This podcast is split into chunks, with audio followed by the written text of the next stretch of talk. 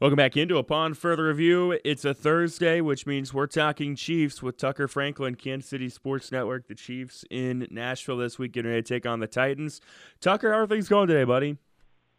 Hey, they're doing good. It would have been a would have been a lot worse if the Chiefs would have dropped that game to the Washington football team. But man, they're doing good. It looks like we got the Chiefs of old back after that second half of football, so can't complain.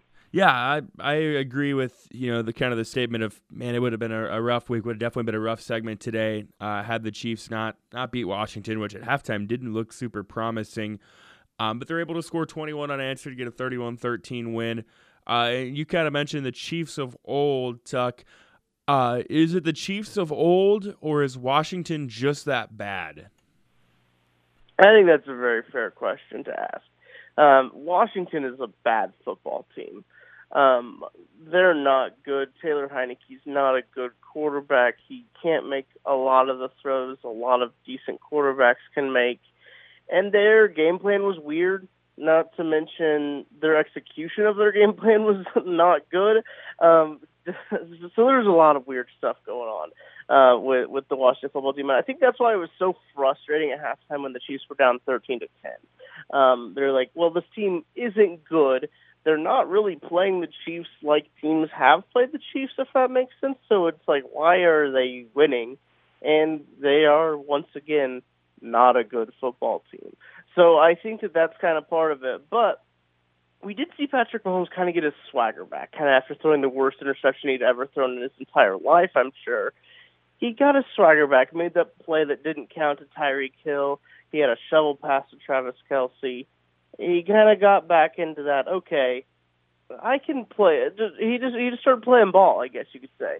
Um, I think there was the, the, this times where he was pressing too much, and the defense, you know, allowing scores was, was causing him to press too much, and to think he had to to score uh, all the points on one play on one deep ball. We talked about that last week, where uh, Dan Orlovsky said that it feels like he was dropping back trying to score 21 points every play and now it looked like in the second half, at least, it looked like he wasn't trying to do that and he wasn't pressing. And I think that's the best version of Patrick Mahomes you can get is when he can just go out there and play ball. And that's what he was doing in the second half. Defense really stepped up, uh, forced a three and out on the first play of the game, or first first drive of the game. The Chiefs go down and score. You kind of thought, okay, hey, this game's going to be over quick. And then they kind of, you know, struggled in the the second quarter and the second half of the first quarter.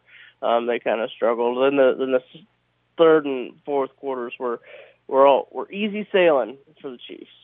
Yeah, I'm not convinced that you know all of a sudden everything is you know all the problems are fixed and you know the Chiefs are going to go on this 10, 11 game win streak uh, and be the team that nobody you know wants to face come January or so. They certainly might. I, I think they're definitely capable of it. Um, I, I want to see more going forward. You know, the Titans this week. Uh, really, I think if you can go two and zero oh these next couple of weeks, heading into what could be a big matchup with the, you know, a big really three game stretch there in November with the Packers, Raiders, and Cowboys in a three game span. Uh, I think you're feeling pretty good about yourselves. But I will say the second half I think is is what the Chiefs needed. You touched on a little bit. Patrick Mahomes settled in, uh, was making some plays. The defense, uh, aside from really one busted play on Sunday, Tucker. Played exceptionally well. And I know they made some personnel changes on Sunday leading up to that. Juan Thornhill saw some more snaps. Uh, Daniel Sorensen, I think, only played like 20 snaps or something like that. I could be wrong. Uh, but, he, but he didn't see uh, as much action as he did. And they made some other changes too, I believe, as well. Uh, what stood out to you from the defensive side for the Chiefs on Sunday? Yeah, actually, uh, Nick Bolton stood out because mm-hmm. he went in from Anthony Hitchens was playing the Mike linebacker. Uh, Nick Bolton has been playing the will, I believe. Um, and that's not really his position, and he hadn't really looked all that great, in my opinion, playing the will. Will linebacker's got to cover a whole lot. That's not really what Nick Bolton is known for. Nick Bolton's a very downhill linebacker. He's a guy who can make good plays and with plays in front of him.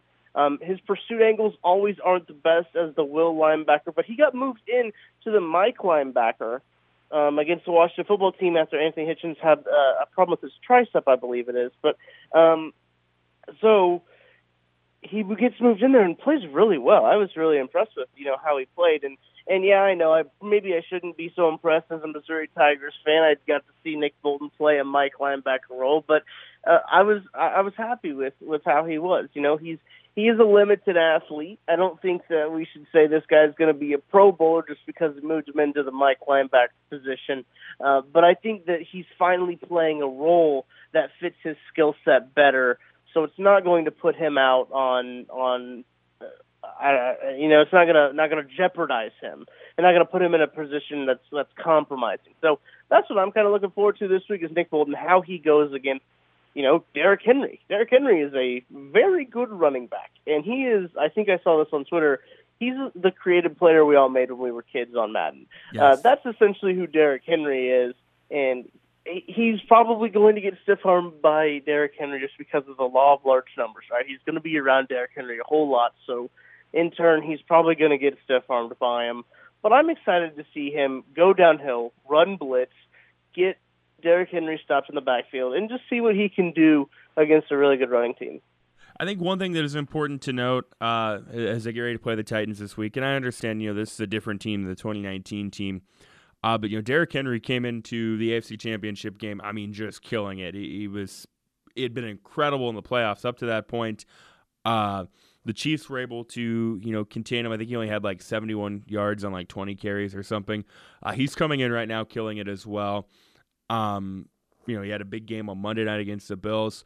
This feels like a chance, Tucker. Correct me if I'm wrong, but it really feels like a chance for the Chiefs to really throw themselves right back in the mix uh, as contenders. You know, the Bills suffered a setback on Monday night. The Chargers got worked by the Ravens. Uh, I still think the Ravens are a really weird five and one team. They're like three plays away from being two and four, and then they clown the Chargers.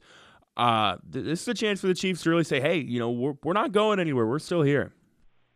No, I totally agree. This is a really good uh, litmus test at the right time. I think uh, with with the Titans coming off of playing the Bills on Monday night and beating the Bills on Monday Night Football, um, this will be a good kind of measuring stick game for the Chiefs to see where they really are at. And and once you know that turnover margin, you know, normalizes, I guess, and that's not 11 to two or 15 to 15 to 2 or whatever it is right now. Once that gets back to normal, what the Chiefs actually do, um, I think that we're in for quite a treat from this Chiefs offense, which is already on a historical pace. Uh, EPA, I believe, per play is outrageously high um, for this Chiefs offense. Expected points per attempt is what that stat is. Uh, but I, I really, I really think that if the Chiefs can can kind of right the ship, do it, have a dominating win. I, I do think Derrick Henry's probably going to run all over the place just because the Chiefs have struggled in the run game, and, and literally Derrick Henry does good in all the areas the Chiefs have struggled with. So it's just like one of those matchups you look at, and it kind of makes you cringe because you're thinking, oh no, this guy's really good at football. Derrick Henry's a phenomenal football player. Um, I don't think anyone's questioning that. It's going to be a be, be an interesting task for this Chiefs defense the Chiefs' offense, man, they just got to not turn it over. Um, that's the that's really the baseline because if they don't turn the ball over, they usually score. Um, and Tommy Townsend needs to stop hitting 20 yard punts. So um, I think the the best solution is Patrick Mahomes just scores touchdowns and keeps Tommy Townsend off the field so he can just chill. You know, he can just have a have a good good week, good uh, just holding the ball. You know, he's been so rusty. So because he hasn't been able to get so many punts in, so um, I think they just need to let him have these these days off to recollect his thoughts. Tucker, we've got about three minutes here. I want to take a look around the NFL. You know, we're six weeks in. Uh, give me your most surprising team. Uh, we'll throw the Arizona Cardinals out there. I, I think you know that would obviously be um, the clear one. But aside from them, the most surprising team and the most disappointing team uh, in 60 seconds or less, if you can. Yeah, I think the most surprising team to me, honestly, is probably the Baltimore Ravens. You mentioned them; they're five and one, and like, is that team good or are they just lucky? I don't know. I think it goes into it. Most disappointing team, oh, it's maybe the Browns, just because of all the injuries they've had.